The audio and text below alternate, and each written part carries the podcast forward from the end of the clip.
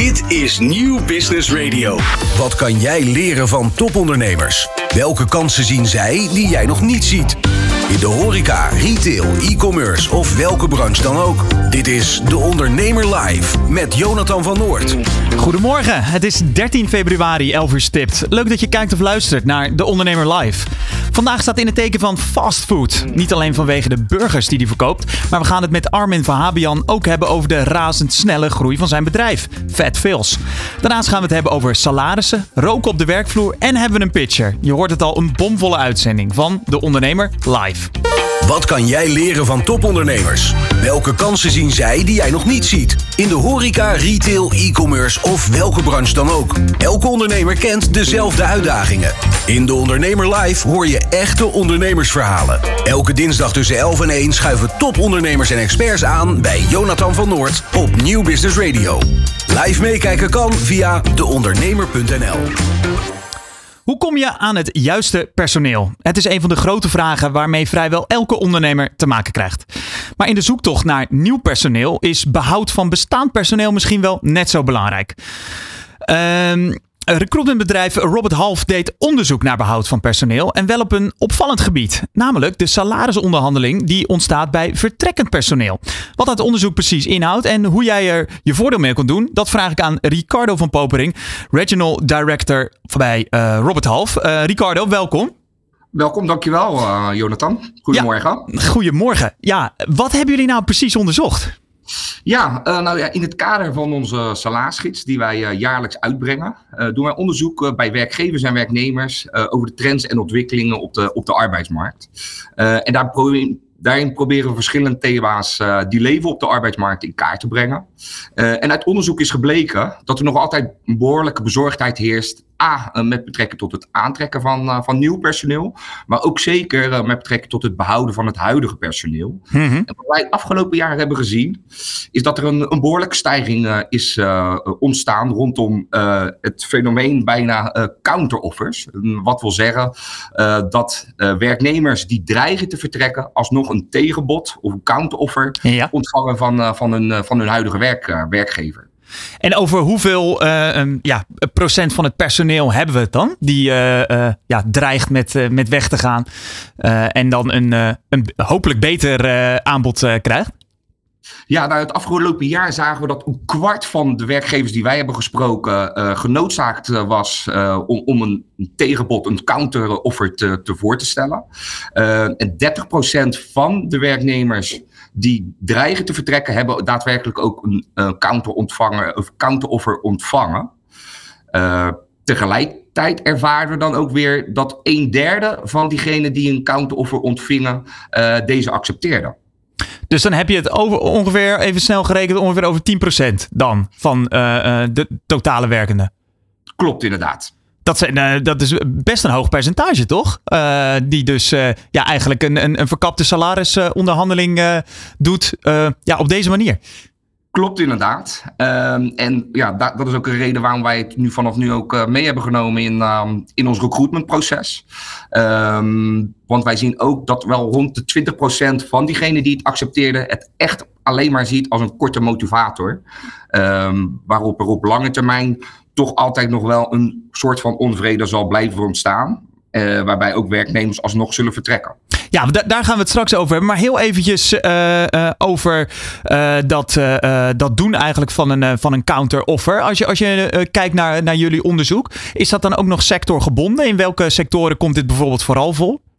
Nou, uit ons onderzoek hebben, we, hebben we niet specifiek gericht op sectoren. Maar je kan natuurlijk wel ehm, ja, bedenken dat er in sectoren met een hoog concurrentievermogen.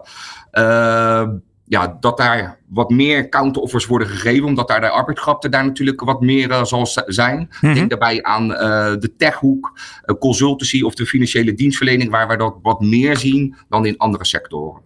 En hoe moet ik dit proces nou precies zien? Is dit echt voornamelijk vanuit het personeel? Of ligt hier ook wel een rol voor de, voor de werkgever?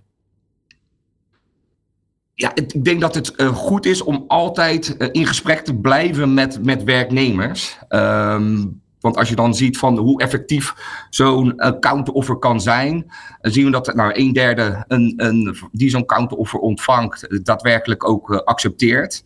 Um, maar het is nog belangrijker om daarbij gewoon continu in gesprek te blijven. Um, ja, wat voor effect dit zal hebben op, het, eh, op, op, je, op de werknemer.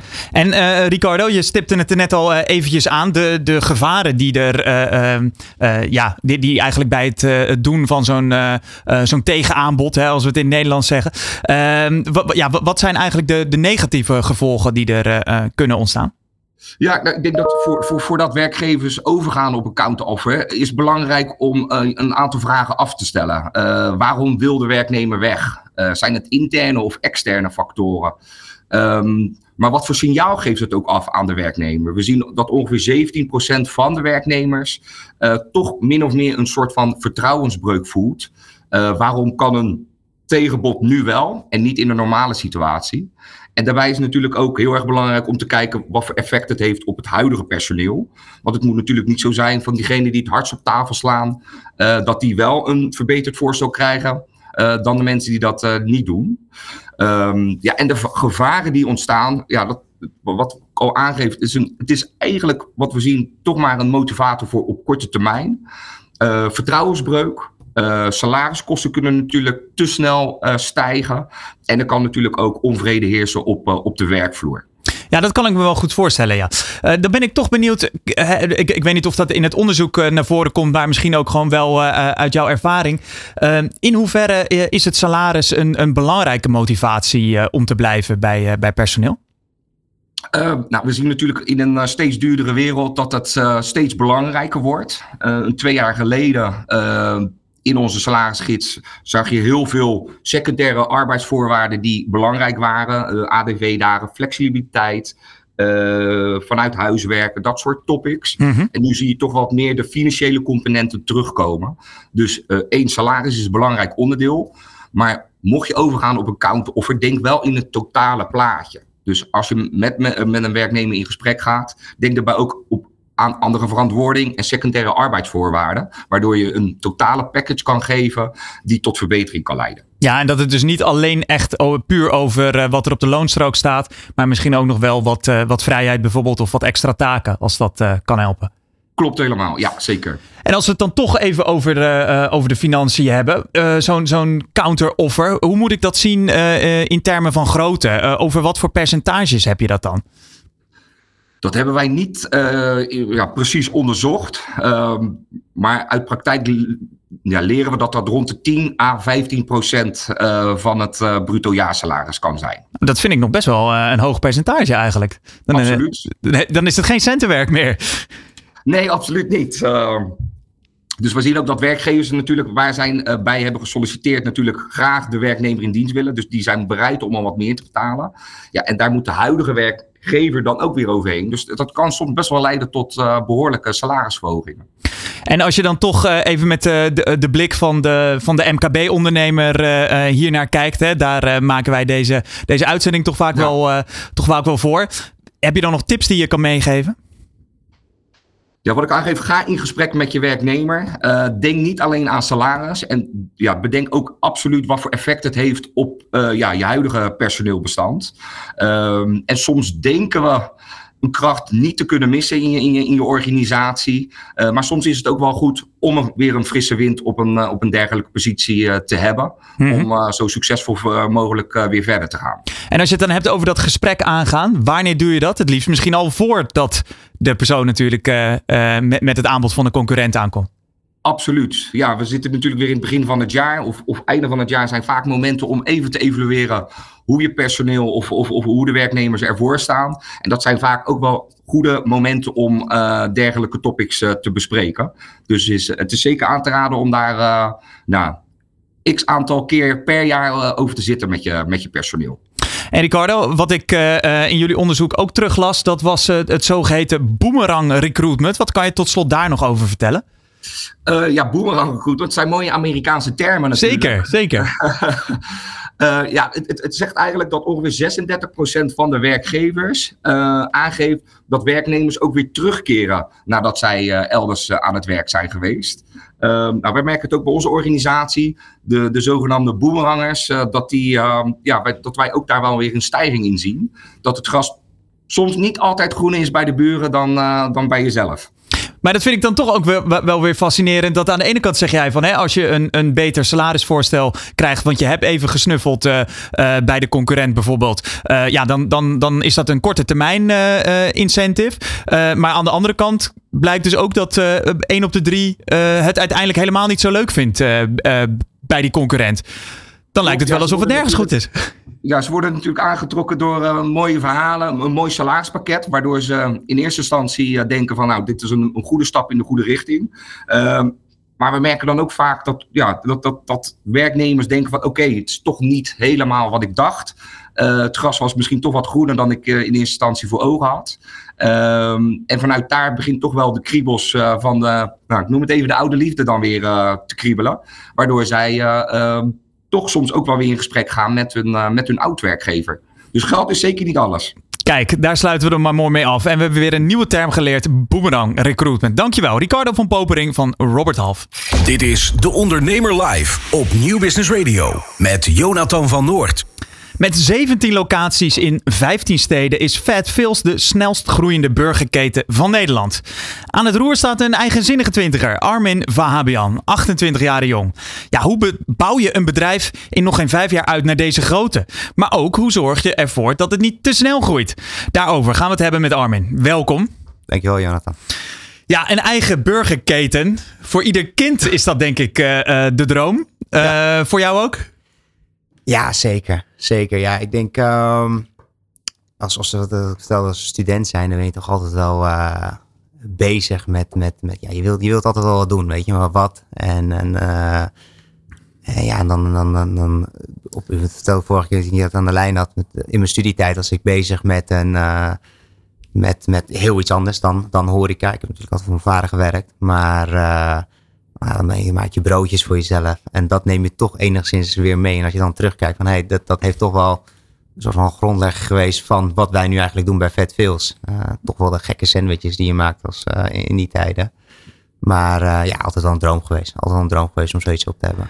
En betekent het dan ook bij een eigen burgerketen dat je dagelijks een burger eet? Zeker niet. Nee, Wekelijks? Nee.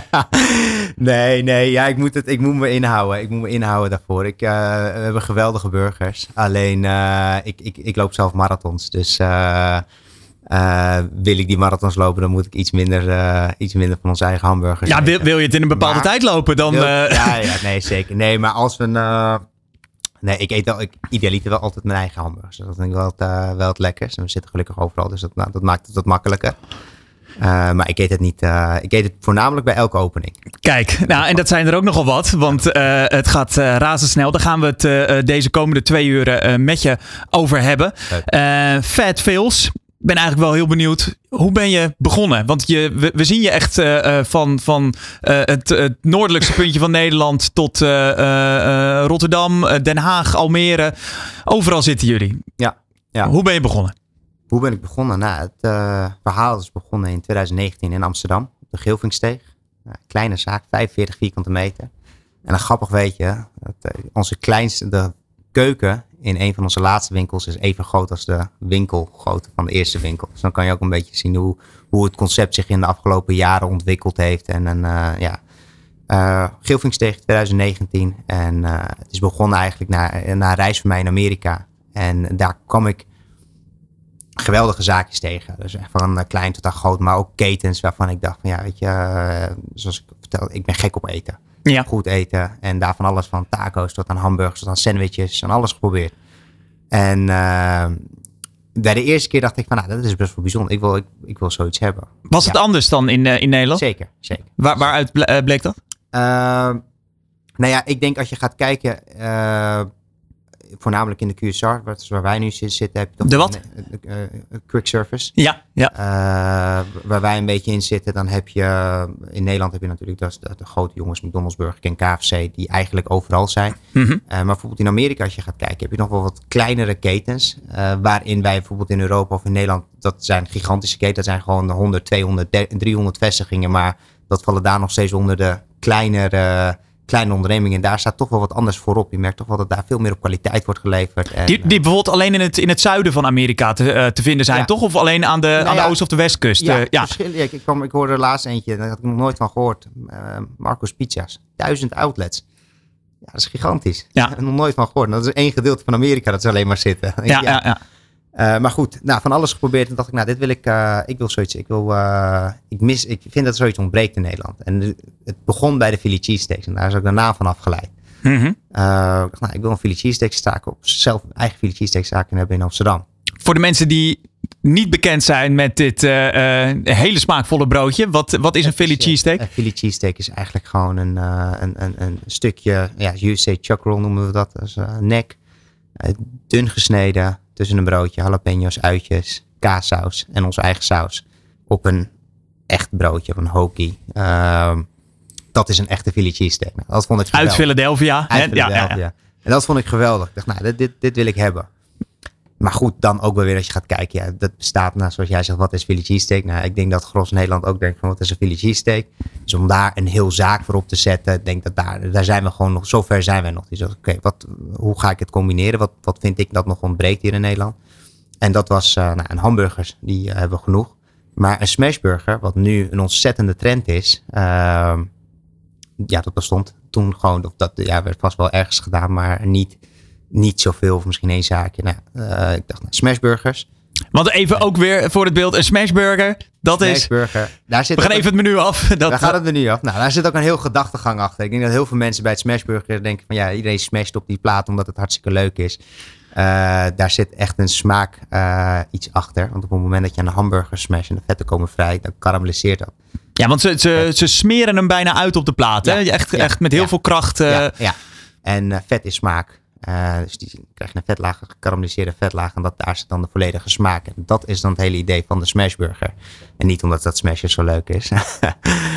nee, maar dus dacht ik, nou, ik wil dat hebben. Hamburgers, sandwiches, dat past goed bij elkaar. Ehm, nou, ook in de sites gaan kijken. Nou, wat, toch weer dingen die, die, je- die je niet zo gebruikelijk hebt eh, hier in Nederland. Mozzarella sticks, eh, buffalo wings, barbecue wings. Nou, dat was ook een heel proces om al die producten, wat ja, range saus. En volgens mij de een van de weinigen die range saus gebruiken in Nederland. Zij we vragen, wat is range saus? Ja, dat, dat is een soort, soort witte Ja. gekruide saus. hè? Een soort, soort, soort, mayonaise, yoghurt. eh, Ja, een beetje, ja. bijna saladedressing Ja. lijkt het een beetje. Ja. ja, eh, menu samengesteld. Ehm, en, en ja, testfase, testfase doorheen gegaan. En, en dacht ik, nou, toen kwam het naam. Nou, hoe gaat het naam heten?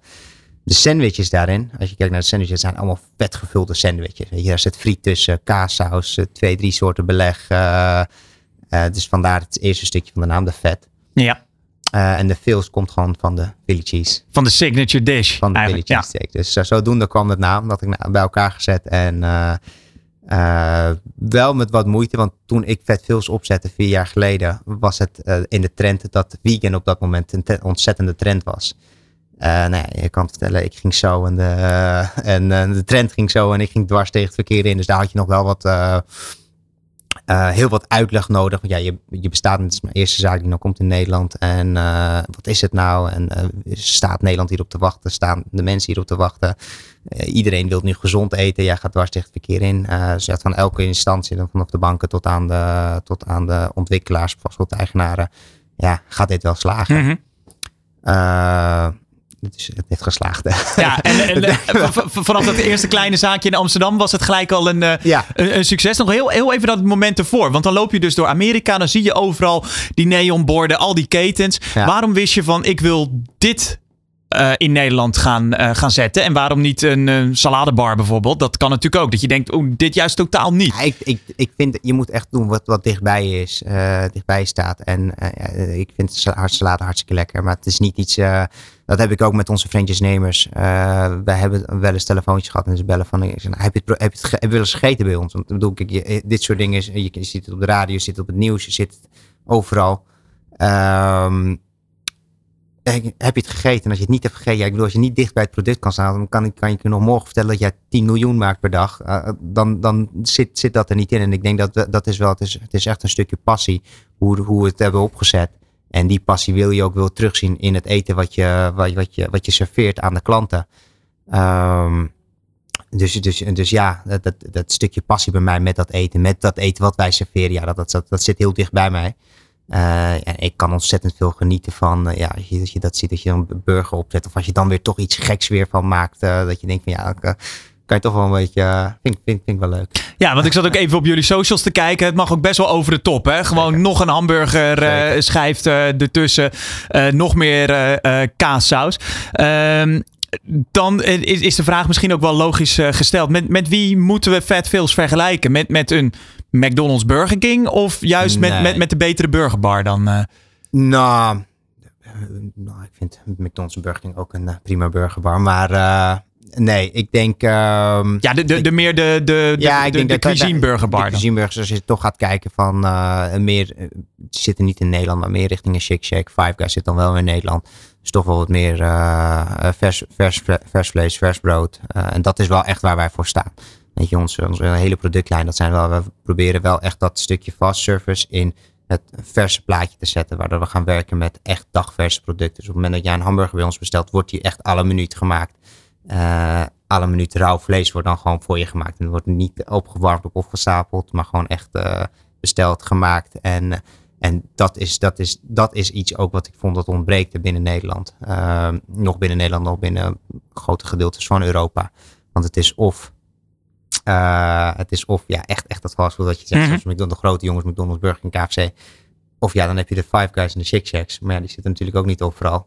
Uh, en daar zag ik een kans. En ik dacht, ja, beide handen aangepakt.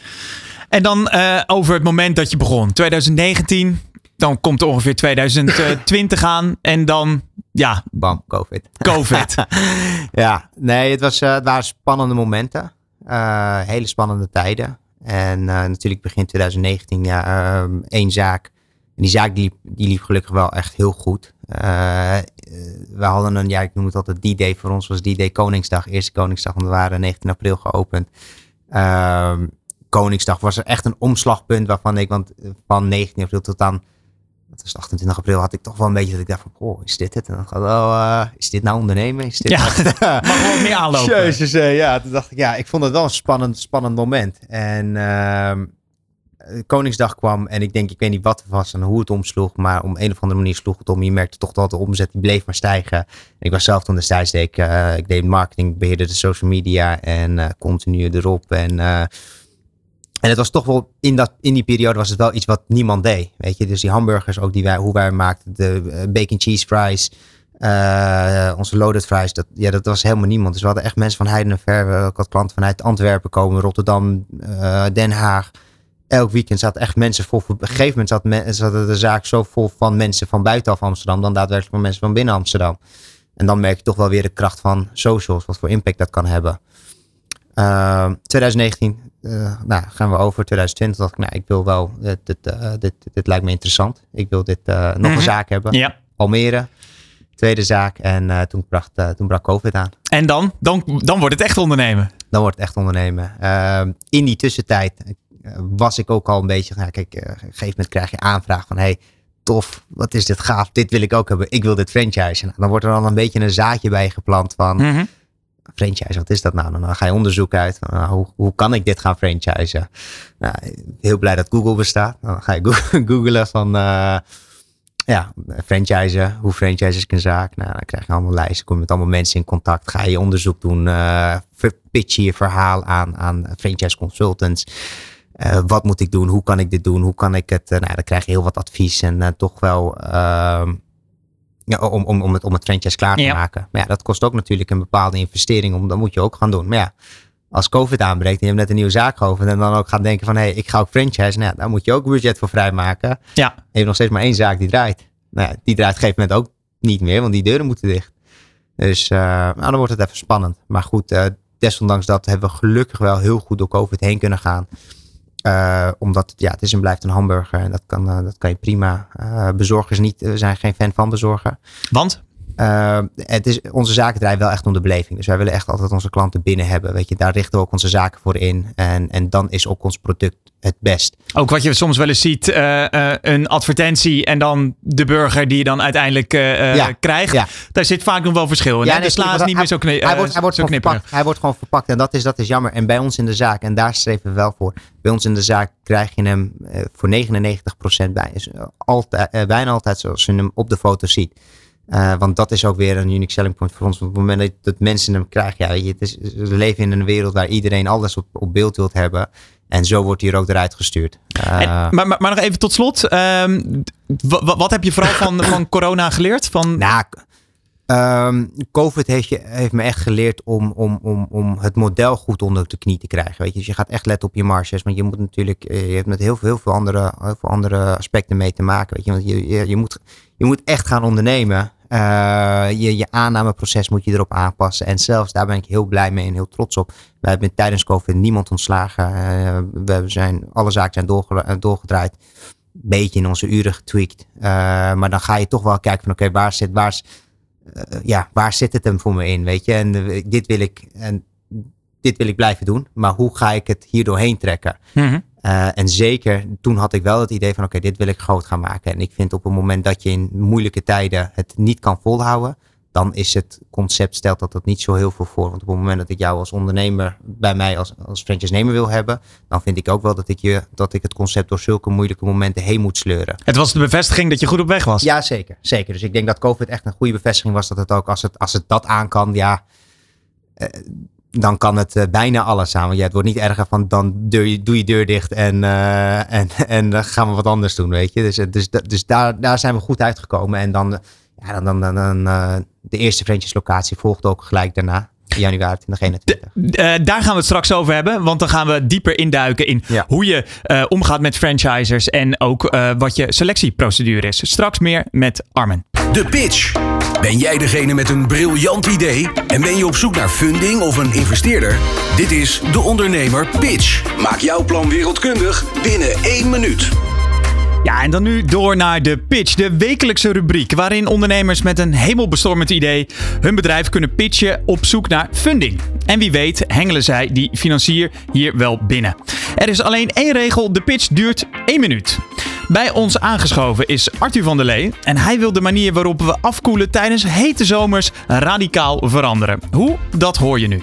De pitch. Ben jij degene met een briljant idee en ben je op zoek naar funding of een investeerder? Dit is De Ondernemer Pitch. Maak jouw plan wereldkundig binnen één minuut. Wij als mensen zijn de aarde in rap tempo aan het opwarmen. En de koeling, de manier waarop wij koelen, is, uh, levert de grootste bijdrage aan die opwarming. He, ergo slurpen energie en verspreiden superbroeikasgassen. Er is een andere manier om te koelen, namelijk door de verdamping van water. Maar de grote crux is, hoe zorg je ervoor dat die koelenergie op de beste manier in een gebouw wordt toegepast voor uh, exact wat mensen willen? En dat hebben we gedaan in de Ice Cube. Een unit gemaakt uit super high-tech kunststoftechnologie, gemaakt uit gerecycled plastic. 80% zuiniger in de koeling zonder broeikasgassen. Wij zijn klaar om op te schalen. Doe je mee? Cooling the Planet. Kijk, keurig hoor. Mooi binnen de tijd. Yes. Ja, uh, welkom Arthur van der Lee van ja. uh, Dutch Climate Systems. Ja. Uh, en je hebt meegenomen de Ice Cube. De Ice Cube ja. hij staat hier ook, dus voor de mensen die kijken, die zien hier nu een, een zwart met blauwe doos. Voor de mensen die luisteren zal ik hem een beetje omschrijven. Ja, hij ziet er eigenlijk uit als een stereotoren met twee blauwe boxen. Dat, zo, zo zal ik hem qua grootte ook wel... ja, de, hij, hij, is denk ik ongeveer een, een halve meter lang en ongeveer 40 centimeter hoog, denk ik. Um, en dit is dus een, uh, uh, ja, eigenlijk een, een, een koeler die anders werkt dan een reguliere airco. Klopt. Uh, reguliere airco, er zitten superbroeikasgassen in. Die worden samengeperst, kost onwijs veel energie. En die gassen lekken altijd.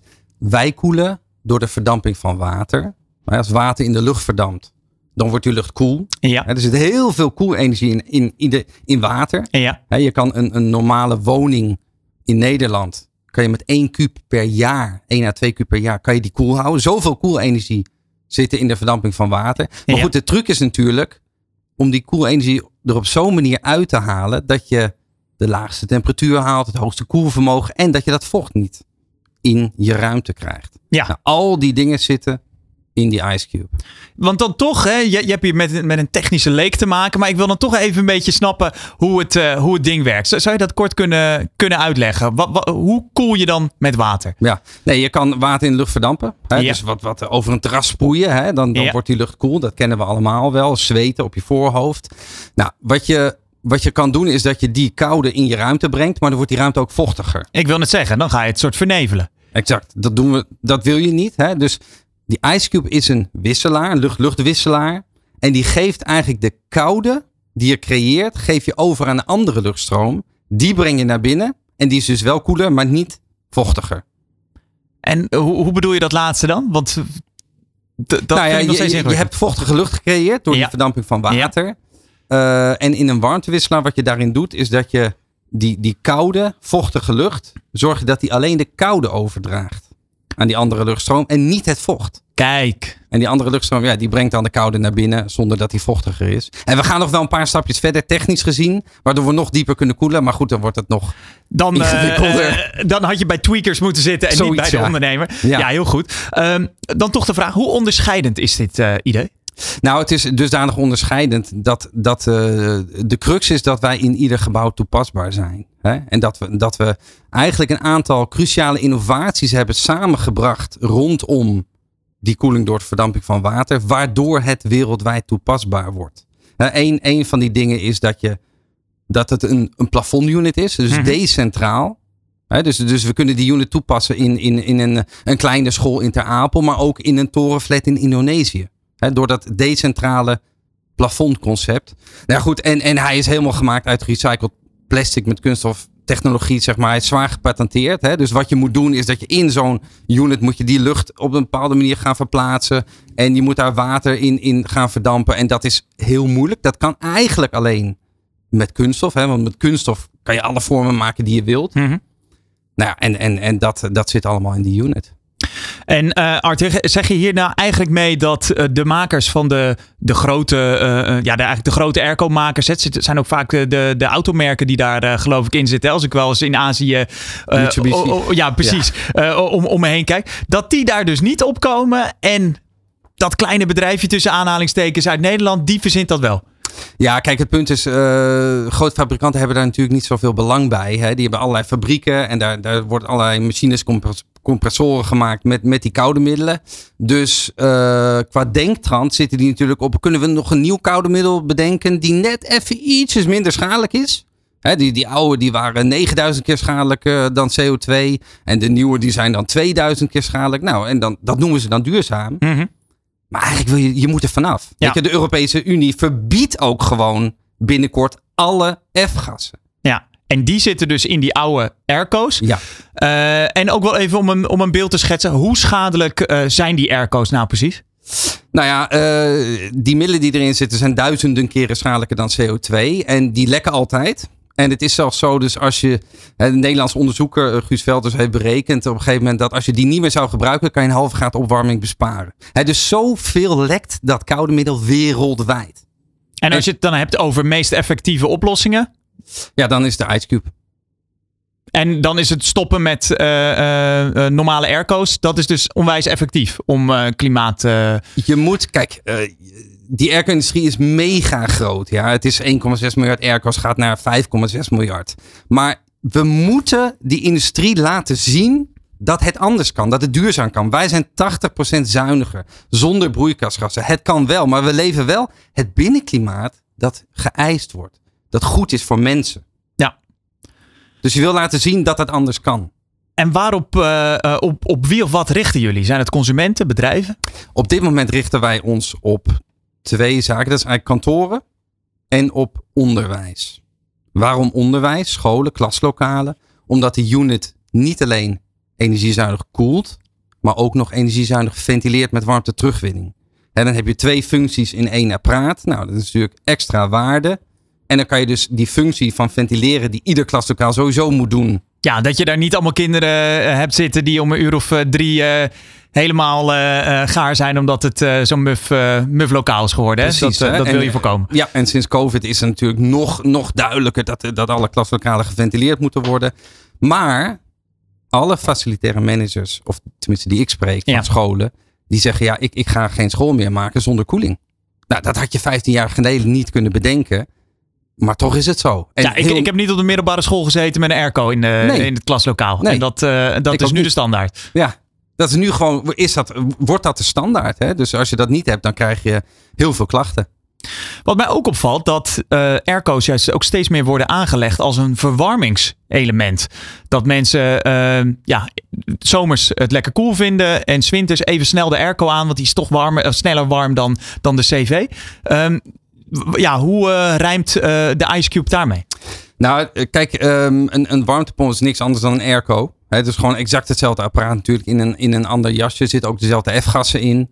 Eh, moet je dus eigenlijk ook niet willen. Kijk, natuurlijk hebben we in Nederland altijd een verwarmingsvraagstuk gehad. En, de, de echte oplossing daarvoor is gewoon isoleren.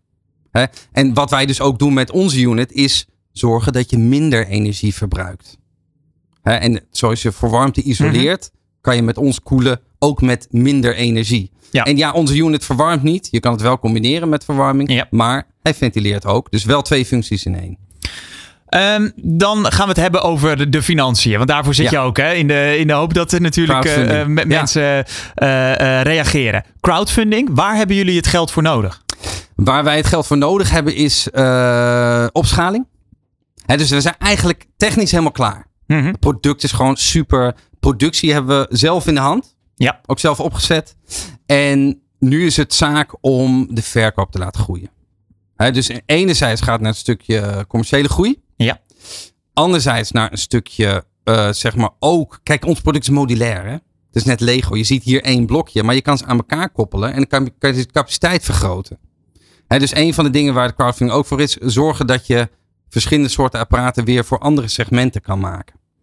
Maar dus opschalen, over welke volumes hebben we het dan? Waar zitten jullie nu op en waar wil je bijvoorbeeld eind van het jaar of over een paar jaar naartoe? Nou, wij, wij, wij hebben nu een, een capaciteit dat, dat we eh, rond de 1200 per jaar kunnen doen. Dat Ja. moet gewoon omhoog. Ja. Hè, dus, dus die 1200 moeten, moeten dit jaar gewoon sowieso verkocht worden. Eh, maar, maar we moeten rap omhoog. Ik bedoel, ja, eh, de aarde warmt op. Het aantal airco's explodeert. Dus, dus wij moeten gewoon sneller. En we doen, dat, we doen dat echt met hele minimale middelen. Dus we hebben echt het maximale gehaald uit, uit alle voorgaande investeringen. Wat ik bedoel, Mhm. wat je hier ziet, dat, dat ga je nergens ter wereld vinden. En, dat, dat, en zeker niet voor die investering die, die wij hebben gehad. Eh, dus nu is het zaak om op te schalen. Commercieel ook. Hè? Ja, dat, dat, dat kost ook eh, tijd en moeite en geld. Zeker. Wat betaal je nou precies voor zo'n unit? Nou, kijk, het punt is dat wij. Je, je moet altijd naar een segment toe gaan met deze techniek waarin je het meest aantrekkelijk bent. Hè? Vandaar Ja. onderwijs, dat je zegt van hé, hey, we leveren eigenlijk zo'n unit voor een vergelijkbare prijs als een ventilatieunit. We doen alle functies van een ventilatieunit. Alleen bij ons krijg je de koeling er gratis bij. En de koeling heeft ook nog eens geen, operatie, geen jaarlijkse extra kosten. Hè? Want elektriciteit verbruik je niet extra, hebt een beetje water. Hè? En, en in die zin ben je dus even duur in dat segment. Nou, als je dan naar een ander segment gaat, kantoren, daarin eh, ben je ook even duur, omdat je veel makkelijker te installeren bent. En nu koop ik niet eh, eh, jaarlijks een, eh, een koeler of een, Nee. een ventilator. Dus over Ja. welke bedragen hebben we het dan ongeveer? Ja, kijk, een, een, een, een klaslokaal, als je die volledig wil koelen, dan, dan afhankelijk van de capaciteit ligt dat tussen de 10 en, en de 20.000. Ja. En, en wij zitten natuurlijk niet, niet aan die bovengrens. Maar ehm, dat is voor een klaslokaal bijvoorbeeld. Ja, precies. Ja. precies. En waarom hebben jullie gekozen voor crowdfunding eigenlijk? Nou, we hebben gekozen voor crowdfunding omdat wij, we hebben natuurlijk veel, veel investeerders gesproken. Ehm, en wij willen, wij willen het zeggenschap niet, eh, niet overdragen aan zo'n investeerder. En zo'n investeerder die dwingt je eigenlijk altijd om binnen afzienbare tijd eh, ja, te groeien. Mhm. Explosief te groeien en dan snel te verkopen. En dat, dat willen wij niet. Maar dan, eh, ja, oké. Eh, maar hoe, hoe ga je er dan voor zorgen dat je toch die, eh, hè, die je, je zei het al zelf, hè, er komen bijna 5 miljard airco's op de planeet. Dat. Ja. je moet versnellen. Ja. Hoe ga je dat dan toch doen? Vanuit een bepaalde controle? Hoe moet ik dat zien? Wij doen dat door deze crowdfunding. Ja. Maar we doen het ook door met minimale middelen het maximale eruit te halen. Hè? Dus wat wij aan productiecapaciteit hebben, ja, dat, dat is onvoorstelbaar. Daar zal een ander het, tienvoudige voor nodig hebben. En eh, door, door ook eh, te verdienen. En te herinvesteren. Tot slot, als we willen investeren, waar moeten we dan kijken? Op Crowdabout Now bij Dutch Climate Systems of op onze website www.dcs.cool. Kijk, super. Dankjewel. Arthur van der Lee van Dutch Climate Systems. Elke dinsdag een andere inspirerende ondernemer te gast tijdens De Ondernemer Live. Van 11 tot 1 live op Nieuw Business Radio. We praten nog steeds met Armin Fabian, oprichter van Fat Fils. Met 17 locaties in 15 steden is dat de snelst groeiende burgerketen van Nederland. Ehm, ja, en Armin, die eh, groei die is eh, voornamelijk te danken dus aan het franchise-model. Zeker. Waar jij eh, voorstander van bent. Daarnet werd het al heel even aangestipt. Toch nog naar de eerste keer dat je overging tot een, tot een franchise. Hoe, hoe ging dat? Ja, zoals ik net vertelde, weet je, je begint, ehm, er wordt een zaadje geplant en je denkt, nou, hoe ga ik dit, eh, hoe, werkt het dan? Wat, moet ik doen? Nou, dan ga je op onderzoek uit en, nou, dan zeg ik, dan word je door, eh, door allemaal verschillende kanalen meegenomen en uh, nou, totdat, totdat je het model in elkaar hebt gezet, handboeken, contracten, wervingscampagnes, nou, het hele, hele gedoe. Uh, en dan kom je, kom je met kandidaten in gesprek. Kandidaten maar nog heel even terug naar dat moment. Want je zegt nu even heel erg terloops dat je een handboek opstelt. Dat je, nee, nee, ik stel het niet persoonlijk uh, zelf op. Maar je komt, ja, oké, dan zeg ik, je komt met, met partijen in gesprek die dat dan voor je kunnen opzetten. Ja. Je, daar zijn, daar zijn in, in, in, in de hele wereld, we hebben dat nu in Engeland en overal, zijn speciale consultants voor die echt gefocust zijn in franchise. Maar die benaderden jou al op nee, het moment ik, dat ik zocht je... Hun. Ik ah, zocht je zocht ik zocht op. het. Ik zocht hun, dat is in Google opgezocht. Ja. En uh, nou, er zijn een aantal partijen met een aantal in, in contact gekomen. Waaronder eentje uh, verder mee gegaan. En um, ja, dan, dan, dan, dan, dan kom je echt in een heel traject. En op dat moment ook krijg je van hun te horen van oké, okay, wat, uh, wat is het nou eigenlijk echt? En waar moet je op focussen en wat moet je, wat moet je doen? Nou, dan hoor je dat allemaal. Oké, okay, nou, dat kan wel, dat kan, ik ook, dat kan ik ook wel doen. Maar vond je dat niet spannend? Want Zeker. op, op een of andere manier geef je toch een soort de controle uit handen. Want je, je, uh, ja, iemand anders gaat met jouw merk uh, aan de haal, even tussen aanhalingstekens. Ja, de, de, ja.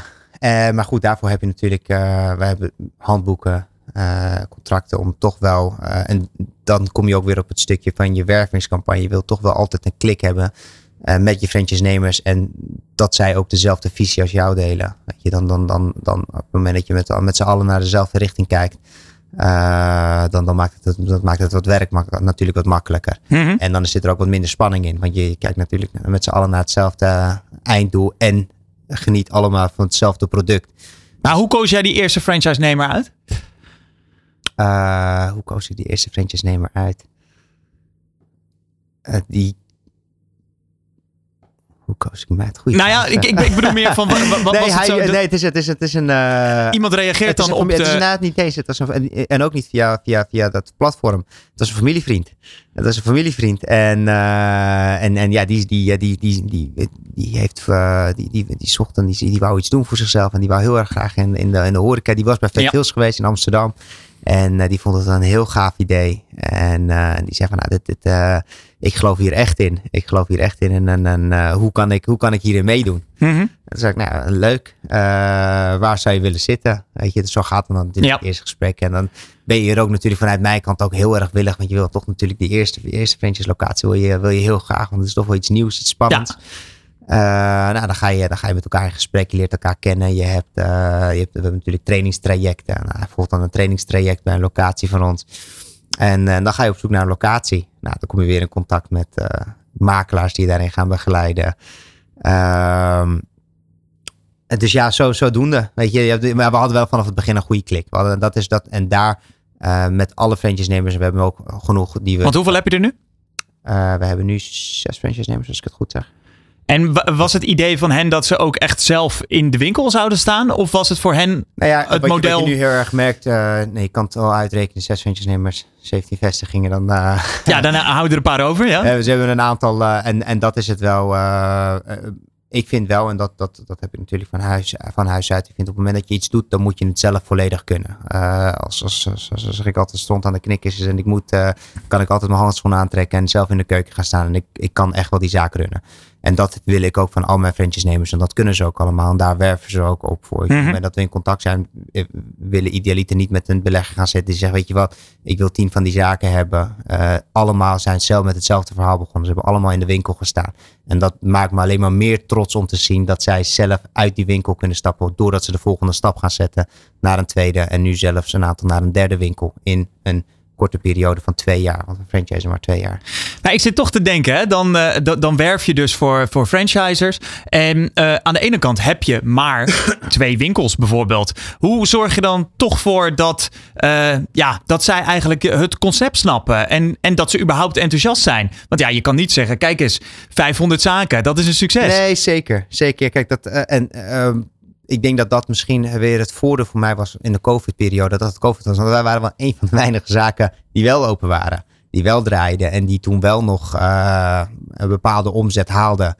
Eh, wat je gewoon bij ons heel erg in de COVID zag, was we hadden niet daadwerkelijk omzetverlies. Maar onze omzet verschuifde gewoon van dine-in naar online. Mhm. Maar je had nog wel een substantieel gedeelte van je omzet. En, en dat zegt dan ook weer genoeg over het merk en de animo van het merk naar de klanten toe. Weet je, wat vinden ze nou van? En eh, we doen blijkbaar iets goed. We hebben, Ja. een goed product. We, we hebben een eh, goed verhaal. En, eh, en, en, en ja, natuurlijk beeldmateriaal. Dat, is, ja, dat verkoopt ook voor zichzelf natuurlijk. En ja, dat, dat, dat, dat bij elkaar. En op het moment dat je dat als, als, als een ja, een nieuw franchise-nemer ziet van nou, hoe dan deze zaak. Die hebben maar twee zaken, maar... eh, Het gaf wel vertrouwen het dus. geeft zeker Ja. vertrouwen. Zeker in zulke moe- moeilijke perioden. Dan zeggen we, nou weet je wat, als het nu al, als dit, als dit COVID is, ben ik benieuwd Ja. wat het gaat zijn als het straks over is. Want uiteindelijk gaat het ooit over. Eh, dus ik denk dat, ik denk dat dat ene, dat, dat toen destijds COVID ook wel in zijn, in zijn voordeel heeft gewerkt. Dat, eh, dat, ja, dat ook onze partners toen destijds, die toen instapten, wel zagen van, hé, hey, dit heeft echt potentie. Ehm, toch nog even over die, eh, eh, eh, over die franchiser. Hè? Je, je zegt dan van, hè, ik moet een klik hebben. Ja. Dat is een beetje generiek. Hoe, hoe ziet zo'n kennismaking eruit? En hoe ziet dat proces er dan, dan uit? Zijn er Ehm. meerdere gesprekken en hoe, hoe verloopt dat? Zeker, zeker. Voorheen, voorheen kwam een gesprek. nou, we, zaten op we hadden wervingscampagnes en dat werd dan voor ons uitgevoerd door de consultants die ook de handboeken en, en de, de, de overeenkomsten maakten. Eh, zelf werfden wij ook eh, actief op voor franchise-nemers. En eh, nou, ja, dan, dan komt ook heel simpel, dan zien mensen online vet veel wordt franchise-nemer. En dan denk ik oh, dat is leuk, dit wil ik wel, dit is gaaf. Ik heb wel eens gegeten bij een winkel, Mhm. ik heb het voorbij zien komen op Instagram ik wil ook franchise-nemer worden. Nou, klik op een link, dan kom je in gesprek, vul je een formulier in. Kom je met, toen nog met mij en eh onze operations manager Sherine in gesprek. Ehm, ja, dan, eh, komt van, dan word je uitgenodigd op kantoor. Eh, eerste voorwaarde wel, je moet wel bij een winkel gegeten hebben. En toen destijds waren het wat minder. Maar goed, ja, eh, ik vind wel dat je een franchise wil, dan moet je de nodige... ja, je moet weten wat je verkoopt. Ja, je moet weten wat je verkoopt. Je moet wel even kleine moeite doen om eerst even het product te testen voordat je bij ons op gesprek komt. Dat melden we ook van tevoren altijd. Nou, op het moment dat je op gesprek wordt uitgenodigd, dan ben je al wel, dan heb je wel wat telefoontjes gevoerd met mij of met Sherine toen destijds. En, eh, en dan, ja, dan, dan, dan heb je al enigszins de, begrijp, ken je iemand telefonisch nog. Als dat goed, dan zeg je, nou weet je wat, kom maar op gesprek. Nou, dan zit je weer met elkaar, dan heb je een vervolggesprek. Dan eh, praat je met elkaar over van alles. Eh, in eerste instantie heb je heel vaak ook, ja, praat je over koetjes en kalfjes. Vervolgens over het product, want dat is dan altijd geprobeerd. Mhm. Eh, visie, waar wil je heen? Welke locatie, waar woon je nou? Nou, heb je, een, heb je een bepaald gesprek met elkaar en dan ga je echt duiken in het vervolg. Er komen ook natuurlijk wat, wat, wat regelgevingen bij met betrekking tot franchise. Je kan niet zo met elkaar ergens instappen. Ja. Eh, en dan ga je natuurlijk een stad uitkiezen. Nou, eh, wat we meestal deden toen de steden nog eh, vrij breed open Ja. waren, kozen we een stad uit. Nou, dan kozen we drie steden eromheen uit en dan gingen we gewoon koffie drinken. Koffie drinken in de binnenstad, volgende stad, volgende stad. En dan toch een beetje de dynamiek van de stad begrijpen. En dan in al die processen ben je continu met elkaar aan het praten. En, dan En, en- maar die, kop koffie was dan met die potentiële ja, franchise ja, ja, ja. Dus daar, daar investeren we gewoon heel veel tijd in. Weet je? Dus dan op een gegeven moment ga je echt uren met elkaar doorbrengen. En dan ga je toch wel begrijpen van oké, en dan komen van alle, alle, alle soorten verhalen komen erop. Weet je, pra- praat je met over, over verleden, over toekomst, eh, kinderen, nou ja, noem maar op, van alles. eh, eh, En, en, en toch even voor mijn beeld. Met hoeveel van eh, de mensen die je zo'n gesprek voert, eh, ga je uiteindelijk echt een zakelijke overeenkomst aan? Ehm, Nou ja, relatief weinig, want we hebben er nu nog maar vijf, zes franchise-nemers. Dus, dus het is behoorlijk wat afvallers ja, dan? Ja, zeker, zeker, zeker. En dat is ook, mijn volker gaat nu ook uit. Kijk, we, hebben nu, we zitten in principe bijna in elke grote binnenstad van Nederland. En mijn volker gaat nu, nu altijd, ik noem het mijn eigen mensen. En dat zijn mijn mensen en die, zijn, die hebben er vanaf het begin in geloofd. Dus die hebben we natuurlijk voor mij ook de voorkeur om naar een nieuwe stad te gaan. Als een soort vaste pool van franchises, ja, daar zeker, ga je dan mee. Zeker. En daar wordt ook als er iets nieuws komt, dan krijgt eerst mijn eigen kringetje uit aangeboden. Uh, wij werven nu ook niet meer actief uh, franchise-nemers binnen Nederland. Dus we staan niet meer op websites of je kan niet ergens aanmelden. Mm -hmm. Op onze website kan je wel je gegevens achterlaten dat je interesse hebt. Uh, en die worden natuurlijk wel opgevolgd. Maar de volker gaat natuurlijk nu natuurlijk nog steeds altijd uit naar onze eigen, eigen clubje aan mensen. Waarin vorig jaar maar één iemand nieuw bij is gekomen. Maar even voor mijn beeld, Armin. Waar viel dan bijvoorbeeld een, een potentiële franchise-nemer op af um, tijdens die gesprekken? Wat, wat, wat, merk je dan? Wat proef je dan dat je ja, denkt, we doen het, ik niet? Ben, ik, ik denk dat ik in alles, ik doe toch wel een beetje een gevoelsmens ben. En ik denk dat dat gevoel... dat gevoel, dat zeg ik voor hen allemaal, durf ik mijn hand voor het vuur te steken. We hebben zulke goede banden met elkaar en dat bouwt nu alleen maar op. En en, en, en met hun allemaal stuk voor stuk hebben we gewoon nog een fijn gevoel. Maar had je er dan bijvoorbeeld geen vertrouwen in bij, bij iemand? Nou, dat niet, je dacht niet, van... zozeer, niet zozeer geen vertrouwen in. Want je gaat toch wel een, een relatie van elkaar voor, voor, voor tien jaar aan. Weet je? En, en het liefst nog, nog daar verder. En dus die klik, dat zeg ik, die klik, dat gevoel, dat moet, dat moet vanaf het begin goed zitten. Ja, dat, dat, dat, ja, dat, is, dat is een gevoelding. En, en uh, tuurlijk moeten, gaan we nog natuurlijk door een aantal andere processen waar ze ook doorheen moeten komen. Maar het allerbelangrijkste is wel dat je met elkaar goed recht in de ogen kan aankijken. Zeg van nou weet je, dit gaan we samen doen. En, en gewoon een goed klik met elkaar hebt. En, en, en ja, dat, ja, helaas, ik weet niet of ze het horen, maar met die andere die had ik dat helaas gewoon niet. En met, de, met de, dat clubje waar we nu wel mee zitten, heb ik dat wel. En, uh, en, en dat heeft tot nu toe in iets heel moois geresulteerd. Ja, toch grappig dat je dat, uh, ja, dat, dat blijkt bij zo'n belangrijke keuze. Zeker. Dat je die op gevoel maakt en, en niet eens zozeer van, oh ja, dit vond ik... Ja, het is, het, ja. op papier, ik heb ook heel veel dingen ontdekt. Ook nu met, we doen vestigingsplaatsonderzoek als we naar nieuwe plekken gaan. En, en we halen heel wat data en toch laat data je af en toe in de steek. We hebben wel eens af en toe naar data kijken en dan op papier ziet er iets er perfect uit. Uh, in realiteit valt dat toch nog altijd wel een beetje tegen. En dat, dat, laat, dat is meerdere malen ook bevestigd. Dus toch... Heb je een voorbeeld dan? Nou, nee, kijk, uh, wij hebben locaties waar we, wij maken bepaalde begrotingen aan de hand van. Wij maken. Dank je. Wij maken begrotingen aan de hand van, van bepaalde KPI's die wij uit data's halen. Gemiddelde inwoners, gemiddelde besteding, gemiddelde mm -hmm. Op het moment dat jij een bepaalde begroting maakt, dat, nou, we hebben een stad, nou, mag je best weten, we hebben een stad uh, Almere. Uh, Almere op papier, prachtige stad, geweldige stad. Je zou denken dat dat echt een winkel is die uh, miljoen plus, miljoenen plus moet gaan omzetten. Ja. Doet het heel goed, maar niet in wat op papier zou moeten. En dat laat toch wel even zien van, hé, hey, wat, wat, waar ligt het er nou aan? En, en wat is dan bijvoorbeeld de, de conclusie bij Almere waarom dat toch minder... Uh... Ik, uh, nou, ik, ik sprak, ik, kwam, ik had vorige week een gesprek met de CEO van Wereldhaven. En die vertelde mij daar iets over. En die zei van, nou, Almere heeft hele kleine stadjes eromheen. Je hebt buiten, haven. en mensen komen daar niet uit dan? Nou, mensen komen er wel uit, maar in het weekend. Ah, oké. Okay. En niet door de week. Dus en je wilt die doorloop natuurlijk Als jij jouw dagdagelijkse dingen gaat doen, dan ga je door de weeks naar. Uh, dan ga je door de weeks naar. Als jij in buiten woont, ga je naar buiten. Ga je niet de stad in. Ja. Wij zitten in Almere stad. En dat is denk ik het enigszins dat. Ja, dat omdat die. Al die kleine, wink, kleine stadjes om de grote stad heen. Wat nog wel. De, de, de, de, ja, de, de goede winkels zoals de Hema en. Uh, en noem maar op de T-Mobile, al die winkels hebben. Nou, dat, dat, ja, ik denk dat dat. Uh, dan ga je voor je dagdagelijkse bezig. Ga je naar die kleine stad. En als je in het weekend Ga je over naar Amsterdam of ga je dan Almere in? Kijk, we hebben weer wat geleerd. Straks ja. praten we verder met Armin en duiken we in op zijn groeigeheim. Dat allemaal in het tweede uur van De Ondernemer Live. Je luistert naar De Ondernemer Live. Elke dinsdag live van 11 tot 1 op Nieuw Business Radio. Dat was hem alweer, het eerste uur van De Ondernemer Live. Straks praten we verder met Armin Vahabian van burgerketen Fat Fils.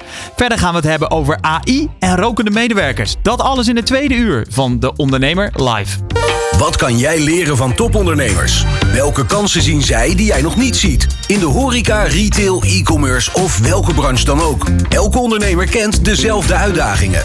In De Ondernemer Live hoor je echte ondernemersverhalen. Elke dinsdag tussen 11 en 1 schuiven topondernemers en experts aan bij Jonathan van Noord op Nieuw Business Radio. Live meekijken kan via deondernemer.nl.